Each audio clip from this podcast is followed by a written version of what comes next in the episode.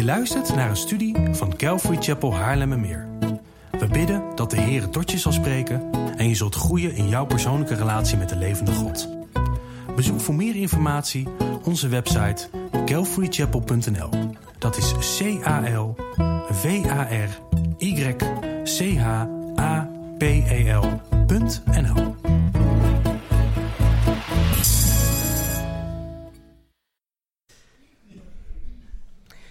Nou, vanmorgen, ik heb het uh, een paar weken geleden al gezegd uh, tijdens de mededelingen. Ik heb het ook op Facebook heb ik het gepromoot. Maar vanmorgen hebben we een bijzondere gastspreker, uh, namelijk David, pastor David Guzik. Hij is hier met zijn vrouw Inge Lil en zijn dochter Anne-Sophie. Inge komt uit Zweden oorspronkelijk en Anne-Sophie woont momenteel in Engeland.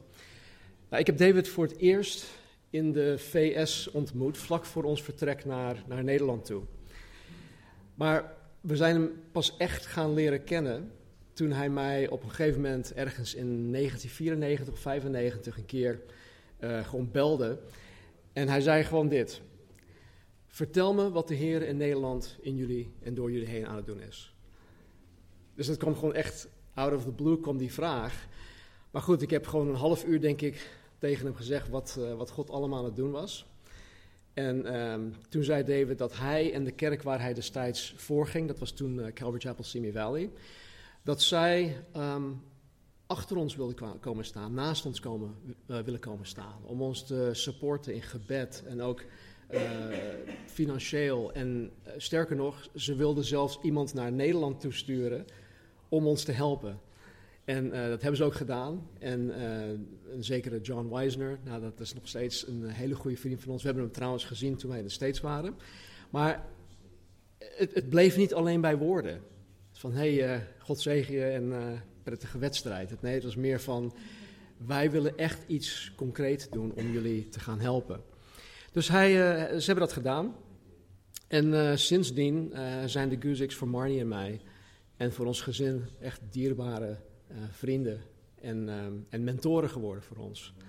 Nadat de eerste poging om een Calvary Chapel hier in Nederland uh, te planten, nadat dat faalde, dat was uh, 1998, wilde ik het opgeven.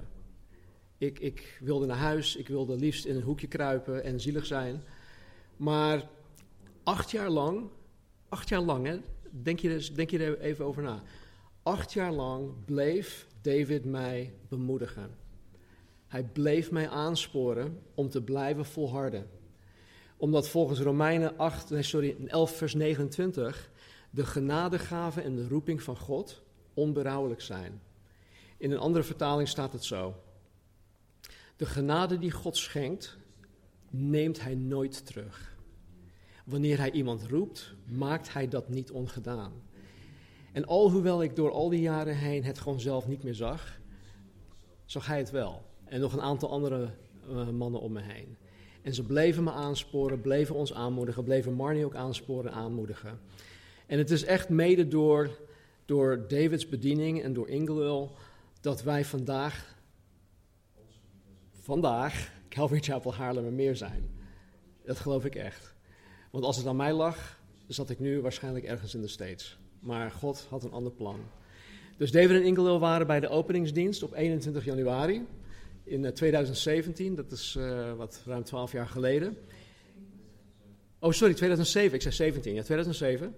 En uh, zie, ik moet het 2007 zeggen. Nee hoor. Um, en vandaag mogen we hun opnieuw verwelkomen. Dus David, come on up. Thank you.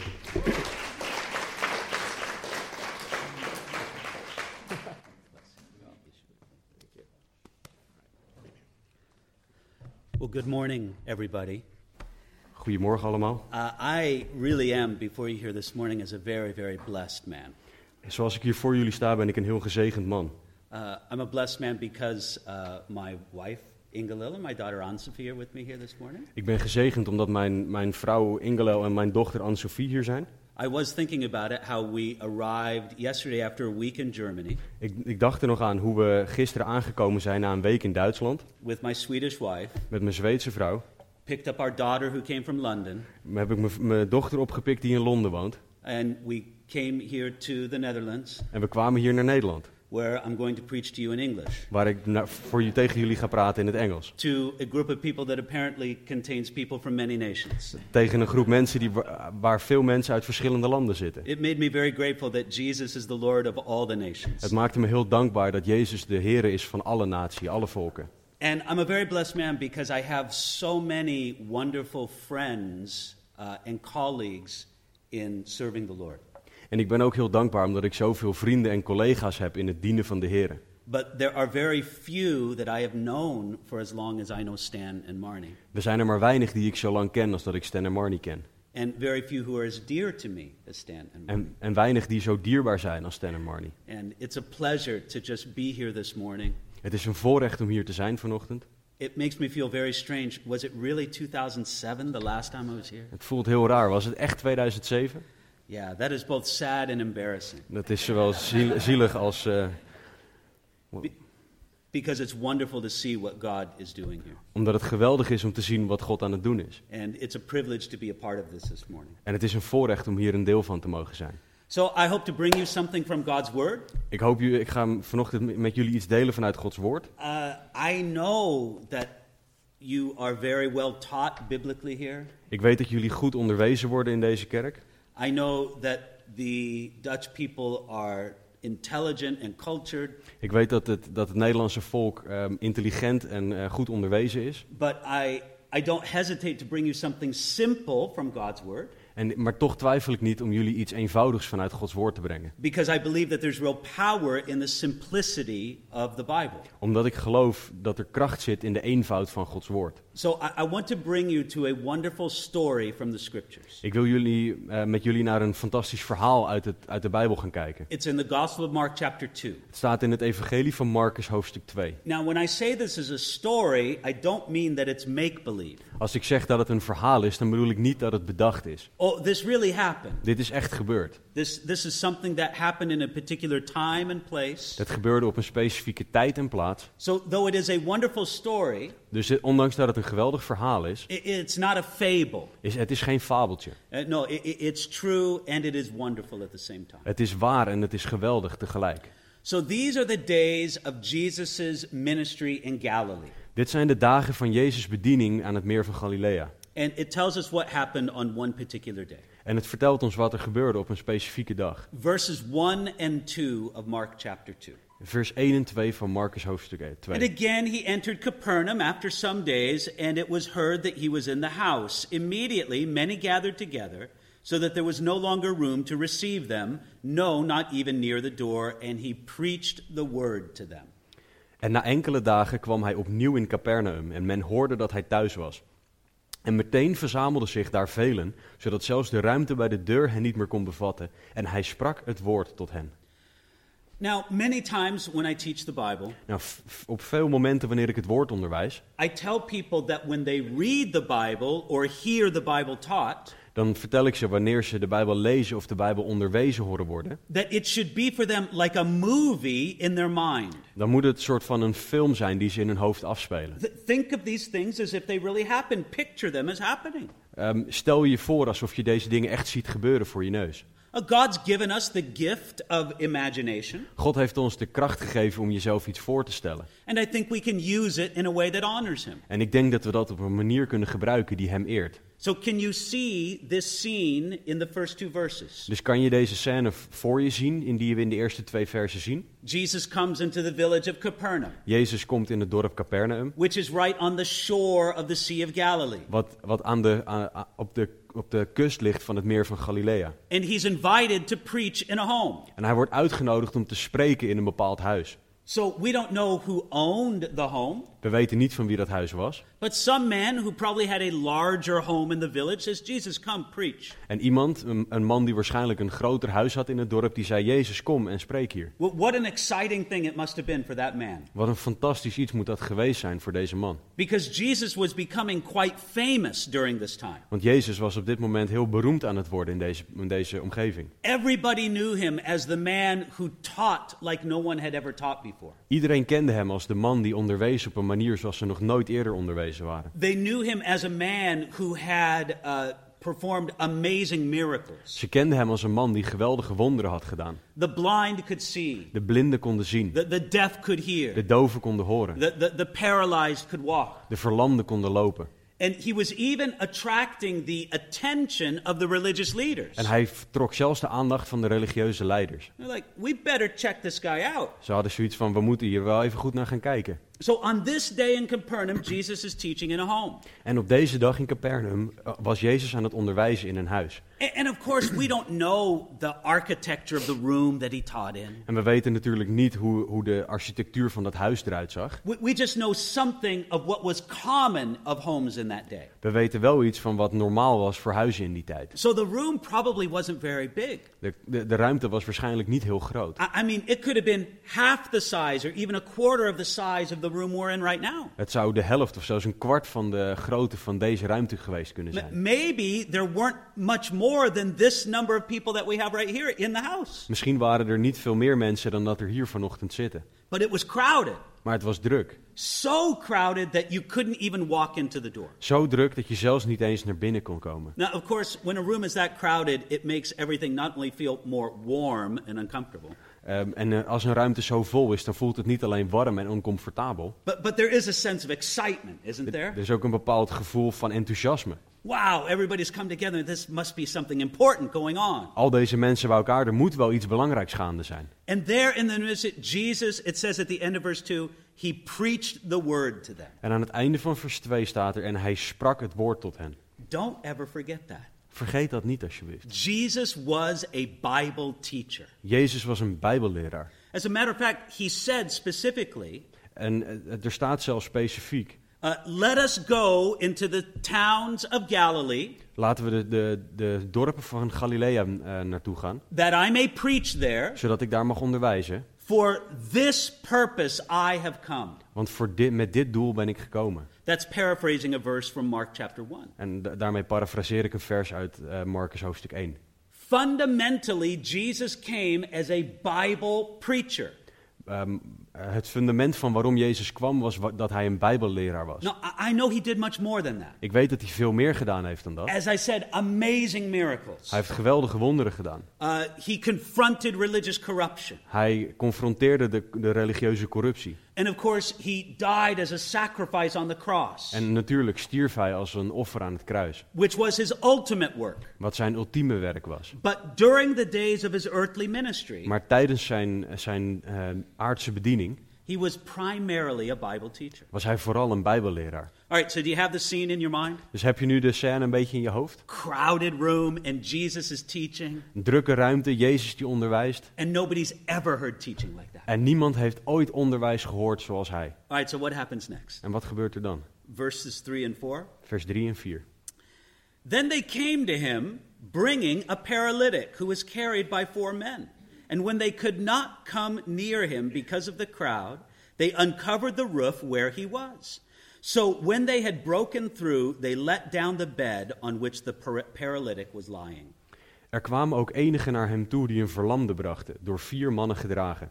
En omdat zij niet bij hem konden komen vanwege de menigte, verwijderden zij de dakbedekking boven de plaats waar hij was. En nadat ze het dak opengebroken hadden, lieten ze de lichtmat waarop de verlamde lag neer. Okay, so do you have that picture in your mind? Heb je dat beeld nu in je hoofd? There's four friends with a man on something like a stretcher. Er zijn vier vrienden die, die één iemand bij zich hebben die op een, soort- die op een, op een soort bed ligt. And they loved their friend. En ze hielden heel veel van deze vriend. They wanted their friend to walk Ze again. wilden dat deze vriend zou, weer zou lopen. And they said, I know what we'll do. En ze zeiden, wij, ik weet wat we moeten doen. We'll bring him to We Jesus. brengen hem naar Jezus. Jesus is healing lots of people. Jezus die geneest allerlei mensen. Maybe Jesus will heal him. Misschien geneest Jezus hem ook wel. They're so excited about this. Ze waren hier zo enthousiast over. And, and they're good friends, En aren't ze, they? en ze waren goede vrienden, toch? And, they do what good friends do. En ze deden wat goede vrienden doen. They bring their needy friend to Jesus. Ze, ze brachten hun, vri- hun vriend in nood bij Jezus. So we're very heartened by this scene. En we, we zien deze situatie voor ons en het beweegt ons hart Four ook. men carrying their friend on a stretcher. Vier mannen die hun vriend op een lichtmat They're very dragen. excited about what happened. Ze zijn heel enthousiast over wat er allemaal gebeurd is. But there's one problem. Maar er is één probleem. They were late to church. Ze waren laat voor de kerk. Right? So they couldn't get in the door. Ze konden niet naar binnen.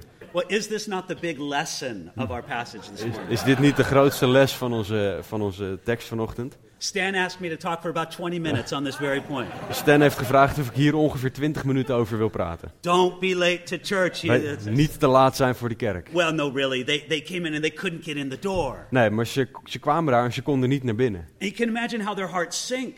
Kan je kan je je voorstellen hoe, hoe ze zich gevoeld moeten We hebben? need to bring our friend to Jesus, but we can't get him in. We moeten onze vriend bij Jezus brengen, maar we kunnen niet naar binnen. The, the four of us can't even walk in the room, Wij, wij met z'n vieren kunnen niet eens naar binnen. much less bring our friend on a stretcher into the room. That's impossible. Laat staan om ook nog een lichtmat mee naar binnen te brengen. Het is What- onmogelijk. What are we going to do? Wat gaan we doen? Then one of them had a brilliant idea. Een van hun had een briljant idee. Ah, brilliant or crazy. Briljant of gek. They said, let's climb up on the roof. Laten we op het dak klimmen. Okay, now stop right there. That, that wasn't so crazy. Dus Als we daar even stoppen, dat was nog niet zo gek. We know something of the architecture of these homes from archaeology. We weten door de archeologie iets van de architectuur van die huizen. It was very common in those days Het was heel normaal in die tijd to have a rooftop terrace to a home. om een, eh, een terras op je dak te hebben. A terrace that could be accessed by stairs on the outside of the house. En je kon b- bij dat terras komen door een trap die aan de buitenkant van het huis zat. So it's not like they had to get a lift or a crane to take them to the ceiling. Dus het was niet alsof ze een lift of een kraan nodig hadden om ze naar boven No, te they krijgen. could awkwardly carry the friend up the stairs. Ze konden misschien wat ongemakkelijk, maar die vriend naar boven brengen, de trap op. They go up the outside staircase, they're on the roof. Ze gaan de, de buitentrap omhoog, ze zijn op het dak. And again, we know something of the way that these homes were constructed. En we weten nogmaals iets over de manier waarop die huizen gebouwd zijn. There were a series of beams and tiles. Er waren tegels en er waren eh, balken die er, die er lagen. And, and it could be taken apart like this. En het kon uit elkaar gehaald worden op deze manier. Now, of course, it wasn't quiet. Dat was natuurlijk niet stil. You, you can imagine Jesus is preaching. En je kan je voorstellen dat Jezus aan het preken is.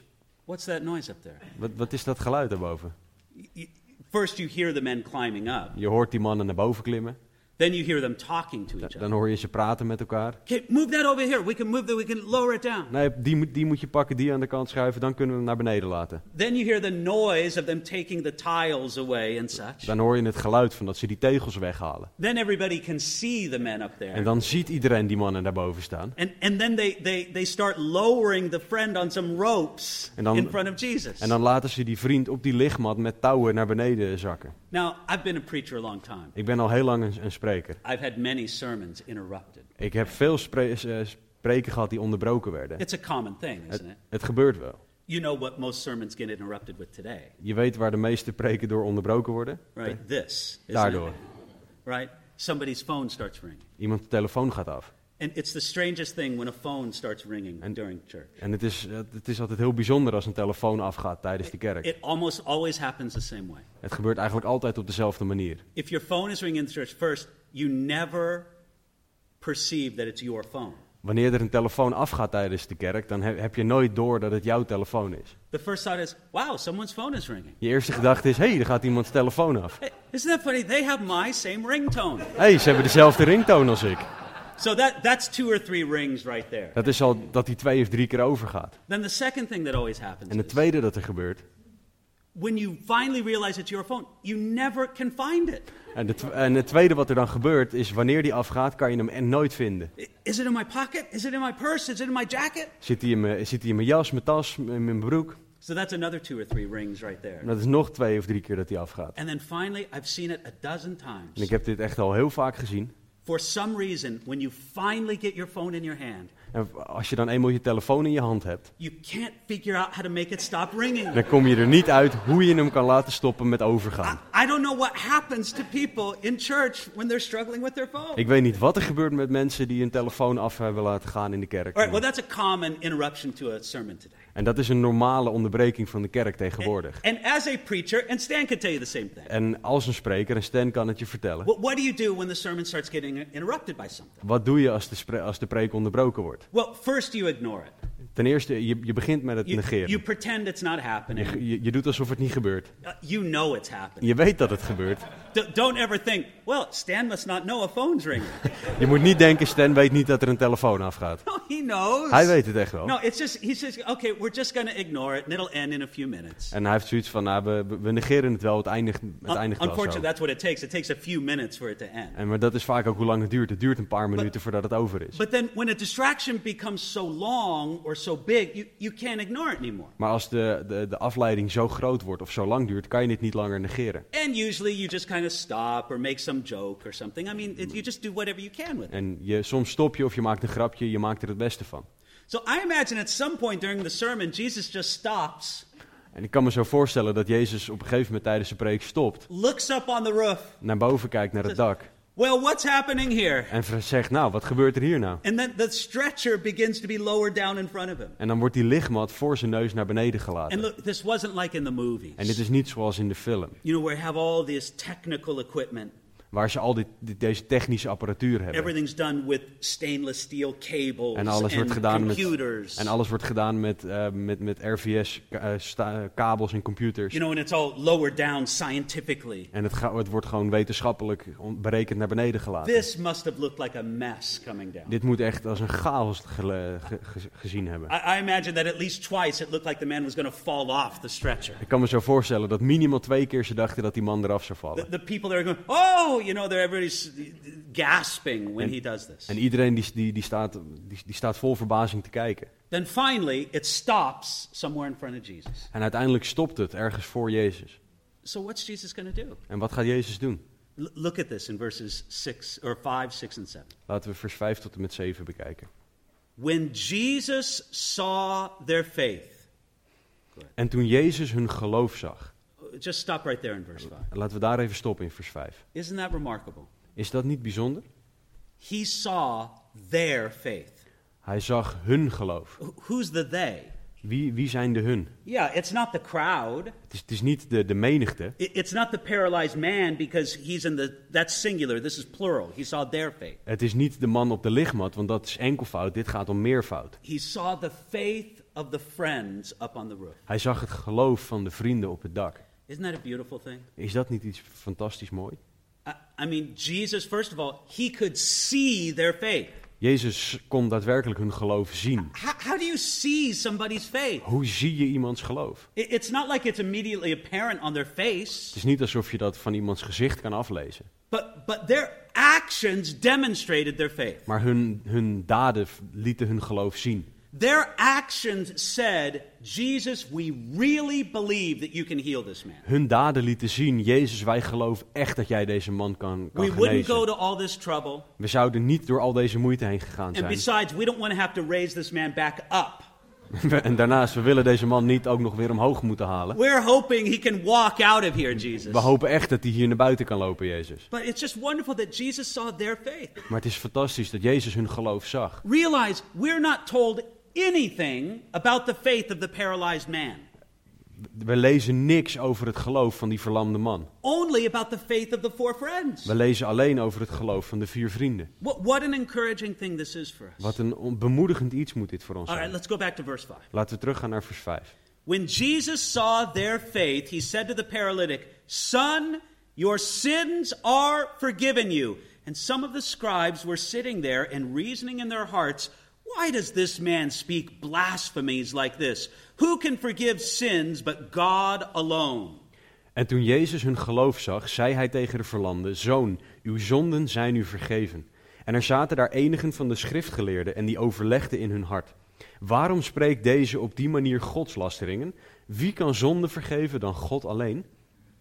Now, Jesus said something unexpected to the man. Jezus zei iets onverwachts tegen deze man. Isn't it kind of clear to everybody what this man's problem is? Is het niet duidelijk voor iedereen wat het probleem van deze man is? I mean, he was probably known throughout the whole village. Hij was waarschijnlijk bekend in het hele dorp. But Jesus said to the man, Your sins are forgiven you. Maar Jezus zei tegen deze man: Uw zonden zijn u vergeven. What a strange thing for people to say, for someone to say. Wat een, wat een raar iets om te zeggen. I wonder what the paralyzed man thought. Ik vraag me af wat de verlamde man dacht op dit moment. Now, you need to understand something that was very strong in the theology of people in that day. Je moet, je, we moeten even iets goed begrijpen over de theologie van mensen in deze tijd. Among the Jewish people of the first century, Voor de Joodse gelovigen uit de eerste eeuw, and, and I'm not saying that this thinking only belonged to that period, but it was in that period. maar het- ik zeg niet dat het alleen die periode was, maar het was heel sterk in die periode. They thought if someone has especially bad problems, Als ze geloofden dat als iemand ehm, hele erge problemen had, they must be especially bad sinner. dan moeten zij een hele slechte zondaar zijn. I mean, that's a common way for people to think, isn't it? En dat is een, dat is een, een, een normale manier voor hun om te denken. But it was especially strong in that culture. Maar het was eh, vooral sterk in die cultuur. I, wonder if the man thought, well, you know, people have set him in this condition because I'm a special sinner. En, en ik vroeg me af of, of, of, of mensen dan denken van hij, hij is hier omdat hij zo'n slechte zondaar is. Maybe I am, maybe I'm not, I don't really know. Misschien dacht die man wel, misschien ben ik het wel, misschien ben ik het niet. But, but Jesus is speaking to me. Maar Jezus die spreekt tegen mij. Now, I will say something. Nou, ik, zou hier, ik wil iets over zeggen. I know that that man had a problem with his body. Ik weet dat deze man een probleem had met zijn lichaam. We're not trying to make little of that. Daar, dat wil ik niet kleiner maken. But Jesus here indicates that the man's bigger problem was his sin problem. Maar Jezus laat hier zien dat het grootste probleem van deze man zijn zondeprobleem We, was. we would call that counterintuitive knowledge. We noemen dat tegenintuïtieve kennis. Isn't Casper a wonderful translator? Is Casper niet een geweldige I, I had vertaler? no idea that he would be able to that so quickly process counterintuitive. Ik had geen idee dat hij het woord tegenintuïtief zo snel kon verwerken. That in itself was counterintuitive. Dat wa- op zichzelf was tegenintuïtief. But, but it, isn't it easy to think that this man would think that he had much bigger problems than a sin problem in his life? Dus was het niet logisch voor deze man om te denken dat hij een groter probleem dan een zondeprobleem had Now, in zijn this is leven? true of all of humanity. En dit is waar voor alle mensen. And again, we don't say that to make light of the other problems people have in their lives. En, dat, en dat ik wil benadrukken dat ik dat niet zeg om de andere problemen van mensen kleiner te maken. Pe- people have real and significant problems. Mensen hebben echte en, en grote problemen waar ze doorheen gaan. But there is a true sense in which the biggest problem of humanity is the sin problem between them and God. Maar er is een, er is een, er is een, eh, de situatie is dat het grootste probleem dat een mens heeft, is het zondeprobleem tussen hem en God. And Jesus spoke to this man's greatest need first. En Jezus sprak tegen de grootste man die deze, of tegen de grootste, eh, het grootste probleem dat deze man had. I wonder what his friends up top th- thought. Ik vraag me af wat die vrienden die daarboven zaten dachten. I, they're probably wanting to say down to Jesus, Ze wilden waarschijnlijk wel naar Jezus roepen die daar beneden stond. "Th- That's not his problem. He's Dat- paralyzed. Dat is niet zijn probleem, hij is verlamd. you know, you, they, they couldn't see that their friend had a sin problem, but he did. Zij konden niet zien dat hun, dat hun vriend een zondeprobleem had, maar dat had hij wel. And again, I'm not trying to say that this man had a sin problem in greater proportion than anybody else. En ik wil ook niet zeggen dat deze man een groter zondeprobleem had dan iemand anders. But we all have a sin problem. Maar we hebben allemaal een zondeprobleem. And you can have a sin problem and not know it. En je kan een zondeprobleem hebben en het niet weten. You know, sometimes we, we only go by how we feel. Soms ga, doen we dingen alleen op basis van wat we voelen. Well, I don't feel like I have a sin problem, so I must not have one. Dus ik, ik voel niet alsof ik een zondeprobleem heb, dus ik zal het wel niet hebben. Now, we know that that's not true when it comes to our medical condition. We weten dat dat niet klopt als, we, als het om onze medische situatie gaat. We know it's possible for someone to go to the doctor, We weten dat het mogelijk is voor iemand om naar de dokter te gaan, get some kind of checkup. ehm, volledig gecheckt te worden. Uh, doctor, I feel fine. Dokter, ik voel me, voel me hartstikke goed. The doctor comes back with the tests. De dokter komt terug met de resultaten. You have something seriously wrong. Jij hebt een hele erge ziekte. The tests prove it. De, de tests laten het zien. We, we've got to do some medical attention to this right away. We moeten hier echt medische hulp voor gaan verlenen. He said, Well, doctor, that's impossible Maar dokter, dat kan helemaal niet. because I feel fine. Want ik voel me hartstikke goed. We, we understand that that can be true medically. We, we begrijpen dat dat medisch gezien klopt. Something seriously wrong, but you don't feel it yet. Er is iets heel erg fout, maar je voelt het nog niet. It's the same way when it comes to sin. Het is hetzelfde met het probleem van zonde. You can have a sin problem, but you don't feel it yet. Je kan een zondeprobleem hebben, maar het nog niet voelen. And this is what you know. You know medically Dit is wat je weet. Medisch gezien weet je that you shouldn't wait until you feel it. dat je niet moet wachten totdat je het voelt. You, you should do something about it now. Je moet er nu iets aan doen. Well, I, I wonder what the crowd thought. Ik vraag me af wat de menigte dacht op dit moment. Jesus said, Your sins are forgiven you. Jezus zei, uw zonden zijn u vergeven. And the crowd thinks, Well, this is a weird thing for Jesus to say. En de menigte dacht, wat is, wat is dit voor een raar iets voor Jezus om te zeggen? I wonder what he's going to say next. Ik vraag me af wat hij, wat hij hierna gaat zeggen. And then there's the religious leaders. En dan is er de religieuze leiders. There they are, sitting in the front row. Daar zitten ze vooraan. Nothing personal to the people up here. Niks persoonlijks tegen de mensen die vooraan zitten. They're, they're checking Jesus out. Ze zitten Jezus helemaal te bestuderen. Now, I don't think it was wrong that the religious leaders were checking Jesus out. Ik denk niet dat het verkeerd is dat de religieuze leiders Jezus aan het bestuderen waren. They, they had a responsibility to do that. Ze hadden een verantwoordelijkheid om dat te doen. But it, it was something wrong in their hearts as they checked him out. Maar er was iets verkeerd in hun hart terwijl ze hem aan het bestuderen waren. But we can just see them looking at Jesus, just ready to judge him. En ik zie ze zo voor me zitten. Ze zitten Jezus te bestuderen en ze zijn klaar om hem te veroordelen. And then there's one other person I think about there in the crowd. En er is één iemand aan wie ik nog meer denk in die menigte. I think of the homeowner. Ik denk aan de eigenaar van het huis. We never think about the homeowner. We denken nooit aan de eigenaar van het He's huis. thinking, this started out as the greatest day ever. Hij denkt, dit begon als de mooiste dag ooit. Jesus is preaching in my house and everybody's here to see it. Jezus staat in mijn huis te onderwijzen. Iedereen is hier om het te zien. And now he's thinking, who's going to fix my roof? En dan denkt hij, wie, wie, gaat mijn, wie gaat mijn dak maken? All right, so the religious leaders were watching Jesus, De religieuze leiders waren Jezus aan het bestuderen. reasoning in their hearts. Ze waren aan het overleggen in hun hart. And notice what they say in verse 7. En let op wat ze zeggen in vers 7. Who can forgive sins but God alone? Wie kan zonde vergeven dan God alleen? Now, just take that statement as it is. Laten we dat statement pakken zoals het, daar, is- zoals het is. Is it a true or a false statement? Is het, een, is het een waar of een niet waar statement? You know, it's true. Het is waar.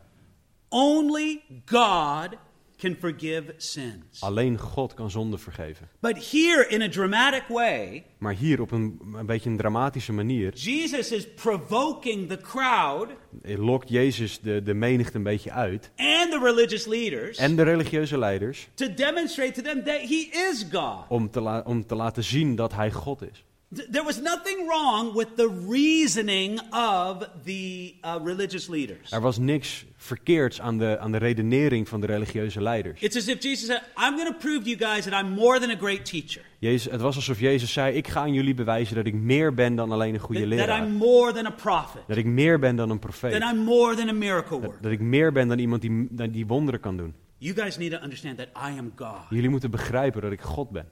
And so they examined Jesus. Dus ze onderzochten Jezus. They asked this question. Ze, vroegen deze, ze stelden deze vraag. And it's a question we all need to ask. En het is een vraag die we allemaal moeten stellen. Only God can forgive sins. Alleen God kan zonde vergeven. Um, time doesn't forgive your sins. Tijd vergeeft je zonde niet. We often think that, don't we? Daar denk, dat denken we vaak wel. We? Did something very wicked when we were young. We hebben iets heel, heel, heel eh, slechts gedaan toen we jong waren. But we think, ah, it was a long time ago. Ah, dat is een tijd geleden, denken we dan. Do, you, do you think the passage of time forgives sin? Denk je dat als er tijd overheen gaat, dat je zonde dan vergeven worden? God's eternal. God is eeuwig. Everything is in the present tense before Him. Voor hem gebeurt alles op dit moment. Compensating good deeds don't forgive your sins. Goede daden als compensatie vergeven je zonde niet. In other words, if you do something bad, En dus met andere woorden, als jij iets slechts doet, you can't come along and say, well, but look at all the good things I did. kan je niet zeggen, ja maar kijk eens naar alle goede dingen die ik gedaan heb. If you go rob a bank Als jij een bank berooft and you get arrested and put on trial, en je wordt gearresteerd en je staat voor de rechtbank, t- try this. Stand before the judge sta voor de rechter and say, Judge, en zeg meneer eh, rechter, think of all the times I went into a bank and I didn't rob it. denk aan al de keren dat ik bij een bank naar binnen ging en dat ik hem niet beroofd heb. Th- that doesn't do any good. Dat, doe, dat, dat helpt niet. Compensating good deeds don't forgive our sins. Goede daden ter compensatie vergeven je zonde niet. Wishful thinking doesn't forgive your sins. Ho- hoopvolle gedachten vergeven je zonde niet. Forgetfulness does not forgive your sins. Dingen vergeten vergeeft je zonde niet. You may have forgotten about your sins, but God doesn't. Jij bent misschien je zonde vergeten, maar God niet. Success doesn't forgive your sins. Succes vergeeft je zonde ook niet. You, you can't forgive your own sins. Jij kan je eigen zonde niet vergeven. We must go to Jesus for the forgiveness of sins. We moeten naar Jezus toe gaan voor de, voor het, eh, voor om, om onze zonde te vergeven te, te krijgen. Now, look at verses 8 and 9. Laten we kijken naar vers 8 en 9. But immediately, when Jesus perceived in his spirit that they reasoned thus within themselves, he said to them, Why do you reason about these things in your heart? Which is easier to say to the paralytic, Your sins are forgiven you, or to say, Arise, take up your bed, and walk? En Jezus, die meteen in zijn geest onderkende dat zij zo bij zichzelf overlegden, zei tegen hen: Waarom overlegt u deze dingen in uw hart? Wat is gemakkelijker tegen de verlamde te zeggen: De, de zonden zijn u vergeven? Of te zeggen: Sta op, neem uw lichtmat op en ga lopen? Okay, again, is the scene running in your mind? Are you picturing this? Zie je de scène voor je in je hoofd? There's the religious leaders in the front row. Daar zitten de religieuze leiders vooraan, op de eerste rij. Sorry, that's you guys just for this purpose. Voor dit doel zijn jullie dat op de eerste rij. They never said their objection, Ze hebben deze, deze tegenwerping nooit hardop uitgesproken, but they just think it in their heart. maar ze denken het in hun hart. Who is he to do this? Only God can forgive sins. Wie is hij dat hij dit doet? Alleen God kan zonde vergeven. And then Jesus, because he is God, knew exactly what they were thinking. En Jezus, die God is, wist precies wat ze dachten. And he told them what they were thinking. En hij vertelde hen wat ze aan het denken waren. Right there, that is should have made this. So maybe this guy's more than a man. Dat, alleen op dat moment had ze moeten vertellen dat deze man meer is dan alleen een mens. You see, before Jesus did a big thing that only God can do, Voordat Jezus iets deed, een, een groot iets deed wat alleen God kon doen, he did a smaller thing that only God can do. deed hij een kleiner iets wat alleen God kan doen. Uh, Read their thoughts. Hij las hun gedachten. And then he asked them a question En toen stelde hij ze een vraag. Which is easier? Welke is makkelijker? Now, it's a fascinating question. Which is easier? Het is een interessante vraag. Welke is daadwerkelijk makkelijker? Is it easier to forgive sins or to heal a person from paralysis? Is het makkelijker om iemand zonde te vergeven of om iemand te genezen van verlamming? I think it's a fascinating question, and you could argue it from either side. En ik, ik vind het een fascinerende vraag en je kan hem van beide kanten kan je hem beargumenteren. In the big picture, In het grotere plaatje, if you want to say cosmically speaking, in het kosmische plaatje, uh, it's an easier thing to cure somebody's paralysis than to forgive their sin. is het makkelijker om iemands verlamming te genezen dan om iemands zonde te vergeven. Because the forgiveness of sins can be done by God alone. Want de vergeving van zonde kan alleen door God gedaan worden. And there are people who through medicine or through whatever are, are healed of their paralysis. En er zijn mensen die door de medische wetenschap of door iets anders genezen worden van hun verlamming. That's in the cosmic picture. Dat is in het kosmische plaatje van het geheel. But in the immediate picture, Maar in het directe plaatje, I'd say it's easier to say uh, your sins are forgiven. het is, is het makkelijker om te zeggen, je zonden zijn vergeven. Because there's no outward demonstration of whether or not a person's are, sins are forgiven. Want er is geen duidelijke uiterlijke, uiterlijk iets waardoor je kan zien dat iemands zonden vergeven zijn. Whether or not a person is healed of their paralysis, you can tell immediately outwardly. Je kan wel direct zien aan de buitenkant of iemand genezen is van zijn verlamming. Whether or not a person's sins are forgiven, Of iemands zonden zijn vergeven. How can you know just by looking? Hoe weet je dat als je alleen naar iemand kijkt? There's not like a red light and a green light on somebody's head. Er zit niet een rood of een groen lampje op iemands voorhoofd. It goes from red to green when your sins, sins are forgiven. Het gaat van rood naar groen als je als je, je zonden worden vergeven. Which would be awesome if it was the case. Wat geweldig zou zijn als dat het, als dat het geval And zou then zijn. maybe God would even make a middle, you know, yellow light in Als, between. als God ook een soort geel lampje in het midden zou zetten. They're on their way. I don't know. Er- ze zijn onderweg, ik weet het But niet. it doesn't work like that. Maar zo werkt het niet. Okay, so Jesus asks this question. Jezus stelt deze vraag. Now look at verses 10 and 11. Laten we naar vers 10 en 11 kijken. Again, this is Jesus speaking. Maar dit is Jezus die spreekt. Let, let, the, let the film run in your imagination. Laat, de, laat, laat het plaatje, laat het filmpje afspelen in je hoofd. But that you may know that the Son of Man has power on earth to forgive sins, he said to the paralytic, I say to you, arise, take up your bed, and go to your house. Maar opdat u zult weten dat de Zoon des Mensen macht heeft op de aarde zonde te vergeven, zei hij tegen de verlamde, ik zeg u, sta op, neem uw lichtmat op en ga naar uw huis. What an amazing declaration Jesus made. Wat een fantastisch iets doet Jezus hier. The Son of Man, obviously referring to himself, De zoon des mensen, waarmee hij naar zichzelf verwijst, has power on earth to forgive sins. heeft de macht op aarde om zonde te vergeven. Do you, do you realize what he said right there? Realiseer je je wat hij hier zegt? So that you all may know, especially you religious leaders, Zodat jullie allemaal zullen weten, vooral jullie religieuze that leiders, I am God Dat with the ik- power to forgive sins. dat ik God ben die de macht heeft om zonde te vergeven. Now, Jesus pronounced this man's sins forgiven. Jezus sprak uit dat deze mans zonden vergeven waren. Should, we not assume that the sins were forgiven? Zou, mogen we er dan niet van uitgaan dat zijn zonden vergeven waren? But on, on what basis? Op basis waarvan?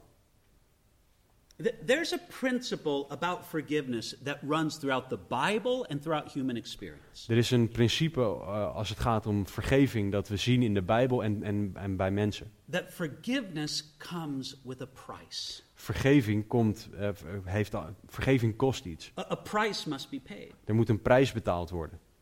Uh, if we're driving and I uh, run into Casper's automobile, Als we, aan het, als we aan het rijden zijn en ik rijd tegen Caspers auto aan and I'm very sorry about this, en, ik, het, en het spijt me heel erg. and, and Casper says, Well, I'll forgive you, En Casper zegt, nou ik vergeef je wel, but my car needs to be fixed, maar mijn auto moet gemaakt worden. you know, well, the price has to be paid. De prijs moet betaald worden.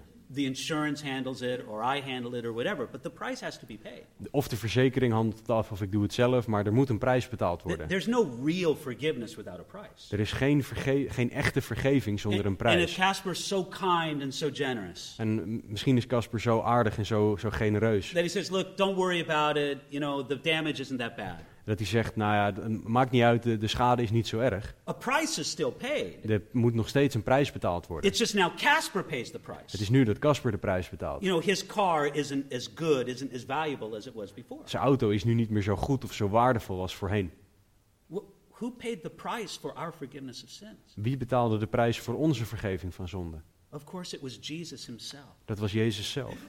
Jesus could say to this man, Your sins are forgiven you, Jezus kon tegen deze man zeggen, uw zonden zijn u vergeven. not only because he was God, Niet alleen omdat hij God was, but also because he would be the price of that man's forgiveness. omdat, maar ook omdat hij de prijs zou zijn voor die mans vergeving. I wonder if when Jesus spoke those Ik, words, vroeg me af, ik vraag me af of toen Jezus deze woorden sprak, hi- his mind went forward zijn, dat zijn gedachten vooruit gingen. to when he would be on the cross Naar het punt dat hij aan het kruis zou hangen. and actually pay the price of that man's forgiveness. En daadwerkelijk de prijs zou betalen voor deze man zijn zonde. And the price he paid on the cross En de prijs die hij aan het kruis betaalde, was a perfect was een price. perfecte prijs. It was big enough to not only include that man's Het sins, was, die was groot genoeg om niet alleen die man zijn zonde eh, te hebben, but across the ages, your sins and my sins. maar door de eeuwen heen ook jouw en mijn zonde.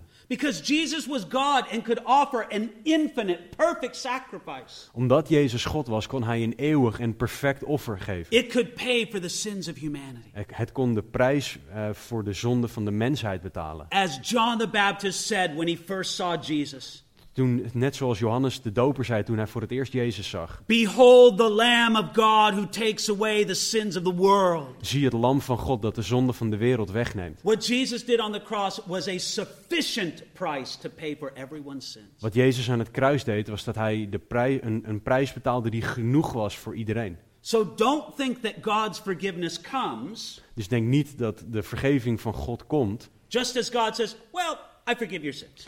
op, op de manier dat God zegt, nou, ik vergeef je je zonde wel. Oh, oh yes, God makes that declaration, Ja, God doet die uitspraak wel, but it's in view of a price that was paid. maar het houdt in gedachten dat er een prijs is die betaald is. And the price paid at the cross. Maar die prijs was betaald aan het kruis.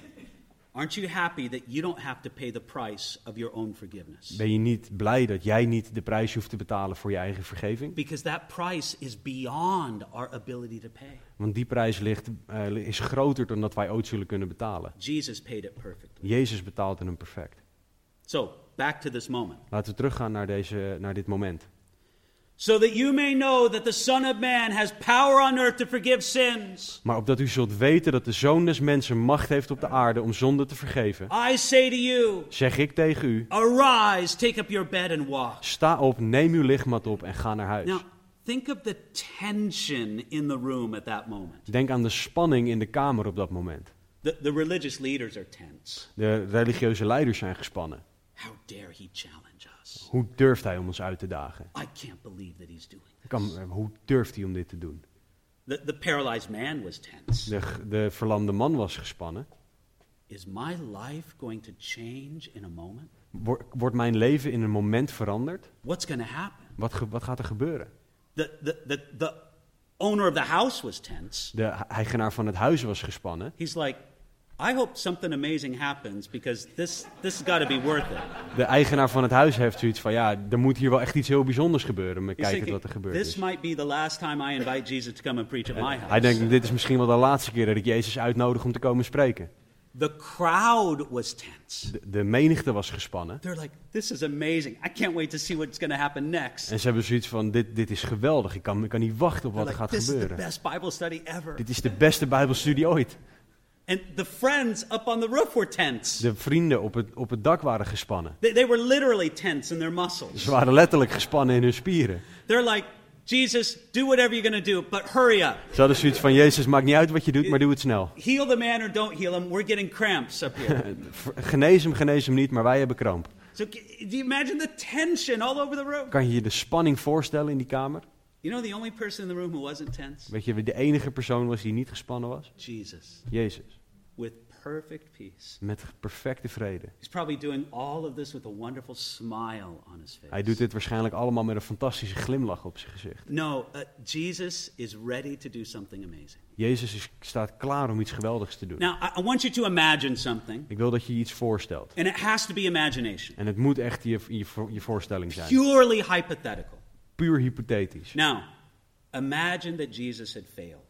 Kan je je voorstellen dat Jezus gefaald had? Jesus never fails. Jezus faalt nooit. It can't happen, Kan niet gebeuren. but let's pretend. Maar laten we ons voorstellen dat het was gebeurd. Jesus says, Arise, take up your bed and walk. Jezus zegt, sta op, neem uw lichtmat op en ga naar huis. The tension in the room is amazing. De spanning is om te snijden. The paralyzed man, you know, struggles up on his arms and tries to make his legs move, De verlamde man probeert omhoog te komen, zijn benen te bewegen. and he can't. En hij kan het niet.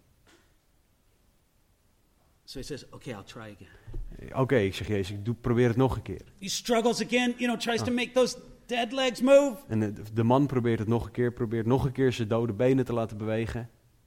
and he can't. En hij kan het niet. The crowd sighs. De menigte zucht. The friends struggle to lift the man back up. De vrienden ehm, doen, doen, moeten heel veel moeite doen om de man weer omhoog te halen. The, the paralyzed man looks utterly crushed and defeated. De verlamde man is compleet, is compleet kapot. I guess I am in my paralysis and in my sins forever. En hij denkt, ik ben niet alleen verlamd, maar ik ben ook nog voor eeuwig in mijn zonde. People in the room start walking out the door. Mensen beginnen de kamer te verlaten. I guess this Jesus guy isn't who he says he is. Ja, Jezus is misschien toch niet wie die zegt te zijn. And the worst is the religious leaders. het ergste zijn de religieuze leiders. They're there smiling. En die zitten te lachen. Oh, we put Jesus in his place. Oh, we hebben Jezus even goed op zijn plek, op zijn nummer gezet. Isn't that terrible to think about? Is dat niet iets vreselijks om over na te denken? Okay, it could never happen Het kan niet gebeuren. because Jesus never fails. Want Jezus faalt nooit. Look at verse 12. Laten we naar vers 12 kijken. Immediately he arose, took up the bed, and went out in the presence of them all, so that they were all amazed and glorified God, saying, We never saw anything like this.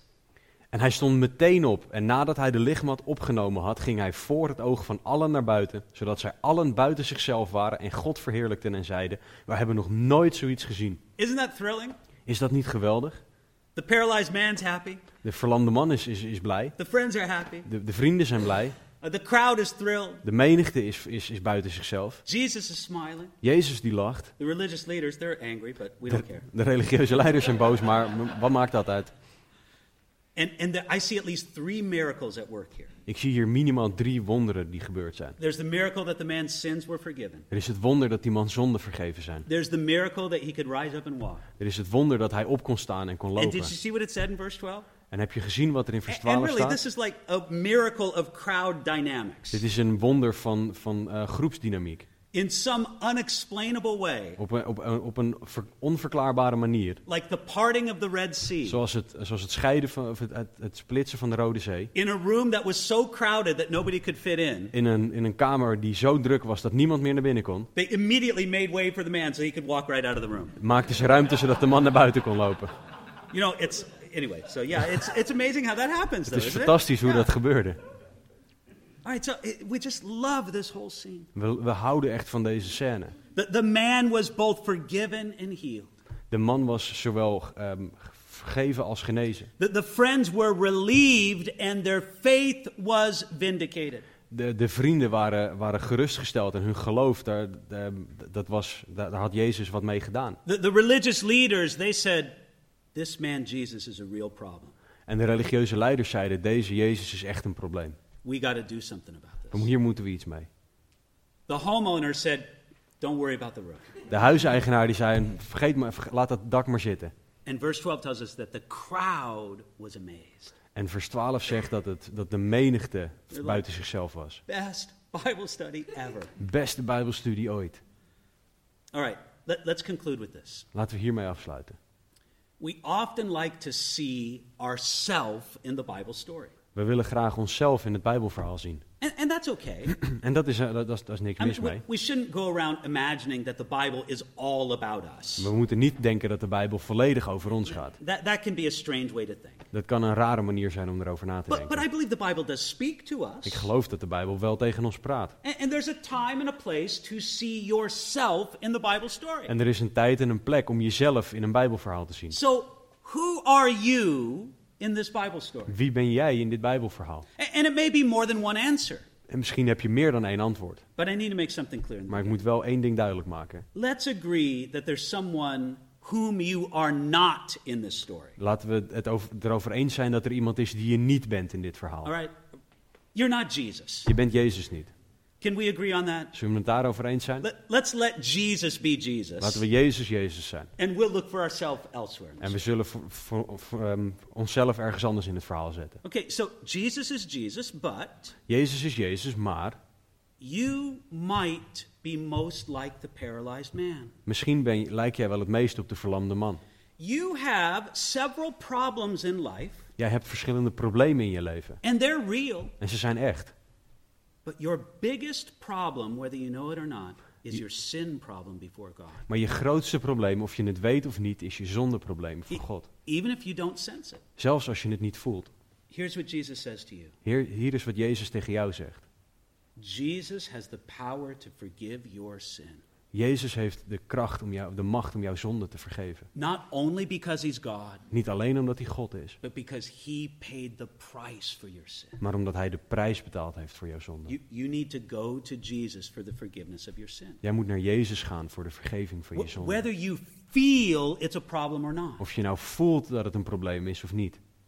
Secondly, you might be most like the religious leaders. Misschien be- lijk jij wel het meeste op de religieuze leiders. You have talked yourself into an excessive skepticism of Jesus. Je hebt jezelf n- ehm, een, heel groot, eh, een, een hele grote ehm, laag aan scepticisme over Jezus Okay, aangepraat. look, there's nothing wrong with checking Jesus out, Er is niks verkeerds met naar Jezus kijken. with examining his claims. Om, eh, om zijn uitspraken te onderzoeken. with, with saying, I want to know if this Jesus really is who he says he is. En dan zeg je, ik wil weten of Jezus echt is wie hij zegt te zijn. Nothing wrong with Daar that. is helemaal niks mis mee. But, but we all agree that there is an excessive skepticism Maar we, we zijn het er allemaal over eens dat hun scepticisme te ver gaat. where, you just automatically allow yourself to be so judgmental of Jesus. Dat ze automatisch zo veroordelend zijn over Jezus. You demand that Jesus plays by your rules. Je eist dat Jezus voldoet aan jouw regels. I just say Jesus is here to do for you just what he did for those religious leaders. En Jezus, ik, ik wil tegen jou zeggen dat Jezus hier is om precies dat te doen